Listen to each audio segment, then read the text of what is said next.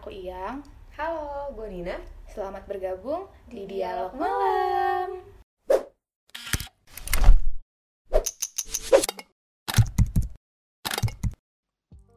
Ya, setelah sekian lama, akhirnya aku upload series monolog aku yang pertama, guys. Applause.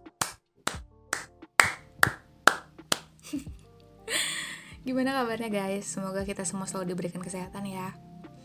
Berhubung masih suasana Syawal, aku mau ucapin selamat lebaran dulu buat teman-teman yang merayakan. Mohon maaf lahir dan batin atas segala salah dan hilaf. Semoga pahala Ramadan kita diterima oleh Allah Subhanahu wa taala dan kita dikasih kesempatan buat ketemu sama Ramadan berikutnya. Nah, ngomong-ngomong soal lebaran nih. Khas banget kan ya kita tuh maaf-maafan di masa lebaran atau di hari lebaran. Kita minta maaf sama orang tua, sama saudara, sama keluarga, teman-teman, atau siapa pun lah kenalan kita. Tapi kayaknya kita jarang banget ya minta maaf sama diri sendiri. Padahal kadang-kadang kita juga suka kasar loh sama diri sendiri. Contohnya, nyalahin diri ketika kita ngerasa kita nggak sesuai sama idealnya kita. Atau ketika situasi nggak berjalan sebagaimana harapannya kita. Kalian ada yang suka kayak gitu nggak? Kalau iya, coba dengerin episode ini sampai habis karena aku bakal share tentang cara-cara yang aku temuin untuk berdamai dengan hal itu. Tapi sebelum aku share ke strategi, aku mau cerita sedikit tentang pengalaman aku. Dulu, sekitar satu tahun yang lalu, aku pernah nih ada di posisi yang aku sebutkan tadi. Aku juga akan selalu marah dan menyalahkan diri kalau aku ngerasa performaku atau diriku tuh gak cukup bagus, gak sesuai sama idealnya aku. Dulu, aku sempat mikir kalau aku marah dan menyalahkan diri itu bakal bikin aku berusaha lebih keras. Bikin aku terus memperbaiki diri. Tapi, nyatanya enggak guys. Ketika pola itu terus-menerus dilakukan, suatu saat kita bisa jatuh ke jurang jebakan. Dan saat itu, aku jatuh. Aku ngerasa jadi orang yang gagal, orang yang gak cukup baik, orang yang gak layak, gak pantas, gak berguna, dan lain-lain. Punya pikiran-pikiran kayak gitu bikin aku jadinya gak semangat ngapa-ngapain. Bawaannya pengen lari aja dari masalah. Tapi di sisi lain juga terus kepikiran sama apa yang harus dikerjain. Kalian pernah gak ada di posisi itu? Rasanya gak enak banget kan ya? Nah, setelah proses yang panjang, melewati lika-liku emosi, ngobrol sana-sini, bahkan sampai konseling ke psikolog, aku akhirnya sadar kalau aku tuh terlalu keras sama diriku sendiri. Aku nggak ngasih kesempatan buat diriku ngelakuin kesalahan dan belajar dari kesalahan itu. Akhirnya aku nyoba nyari-nyari cara untuk bersikap lebih baik sama diri sendiri. Dan cara yang aku rasa useful banget untuk mengatasi masalah ini adalah self-compassion. Kalau kalian tertarik juga buat mendalami konsep ini, kalian bisa buka langsung websitenya di selfstripcompassion.org.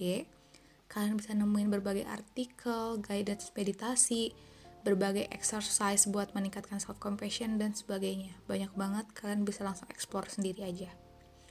Oke, okay, little explanation, self-compassion itu sendiri adalah suatu sikap berbaik hati atau berbelas kasih sama diri sendiri. Christine Neff sebagai yang memperkenalkan konsep ini mention kalau konsep ini tuh berangkatnya dari ajaran agama Buddha. Tapi meskipun dimention kalau konsepnya berangkat dari suatu agama tertentu yaitu Buddha, sebenarnya menurutku semua agama tuh mengajarkan konsep ini juga kok, uh, cuma dengan pengemasan yang berbeda-beda aja.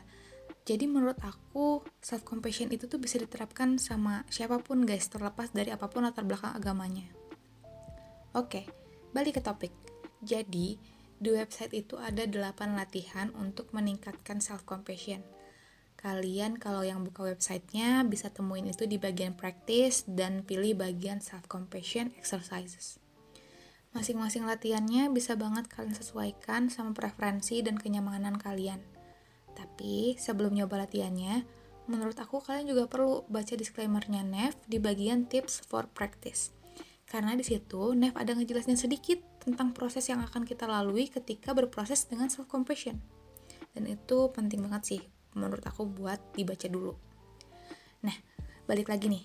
Jadi dari 8 latihan, hari ini aku bakal cerita dan ngejelasin salah satu aja latihan yang waktu itu paling bekerja di aku. Tapi Kalau kalian pengen aku jelasin semua latihannya supaya kita bisa latihan bareng-bareng, boleh banget tinggal DM atau kirim pesan aja ke email dialog malam yang ada di description. Oke, jadi latihan yang aku pakai waktu itu adalah exercise 7 atau judulnya itu identifying what we really want. Simpelnya, di latihan ini kita diajak untuk mengenal cara kita biasanya memotivasi diri, yang mungkin caranya sebenarnya bentuknya adalah menghakimi atau mengkritik dengan kasar. Nah, terus kita juga diajak nih untuk mencari alternatif self-talk yang lebih baik, yang lebih lembut, yang lebih peduli untuk memotivasi diri. Kalau di websitenya sih, ada tiga langkah ketika kita melakukan latihan ini.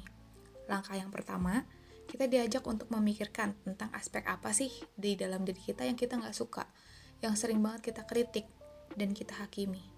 Entah itu penampilan kita, pencapaian kita, atau sikap-sikap kita yang kita nggak suka. Terus, coba tanyain sama diri kita. Dengan bersikap keras kayak gitu, dengan menyalahkan diri atau marah atau menghakimi atau mengkritik, kita tuh jadi ngerasa terdorong untuk berubah gak sih? Sebenarnya cara itu tuh ngebantu gak sih untuk kita berusaha menjadi lebih baik? Kalau enggak, sama kayak yang aku pikirin, kita bisa langsung lanjut ke tahap yang kedua. Tapi kalau iya, kalau selama ini kalian ngerasa dengan cara itu kalian jadinya berusaha untuk jadi lebih baik, coba tanyain lagi. Cara ini itu meninggalkan luka atau rasa sakit gak sih? Cara ini sehat gak sih untuk aku? Coba tanyain itu sama diri kamu. Kalau kamu ngerasa cara ini gak sehat dan menyakiti diri kamu, yuk kita sama-sama masuk ke langkah yang kedua. Di langkah kedua ini kita diajak untuk mengganti bahasa yang sebelumnya kita pakai yang bergaya menghakimi atau mengkritik tadi dengan bahasa lain yang lebih baik, lebih lembut, lebih peduli, dan penuh kasih sayang. Kita diajak untuk membayangkan kira-kira apa ya yang akan dikatakan oleh orang tua, teman, guru, atau siapa pun yang kamu rasa bijaksana terkait kelemahan atau masalah kamu itu. Apa ya yang akan mereka katakan untuk menunjukkan kelemahanmu tapi tanpa menyakiti kamu, dan di sisi lain juga mendorong kamu untuk berubah jadi lebih baik, tapi tanpa memaksa. Coba kamu rasain. Kamu tetap ngerasa termotivasi nggak dengan cara itu? Apa perbedaan yang kamu rasain setelah dua cara memotivasi tadi? Dari dua langkah di atas, kita berusaha mengidentifikasi cara mana yang lebih cocok untuk kita, cara mana yang lebih kita inginkan. Kalau aku sih, cara yang lebih compassionate lebih membuat aku termotivasi dan bahagia tentunya. Nah, kalau kamu juga ngerasa cara yang compassionate cocok buat kamu gak? Kalau iya, kita bisa langsung masuk ke langkah yang ketiga, yaitu pembiasaan atau maintenance.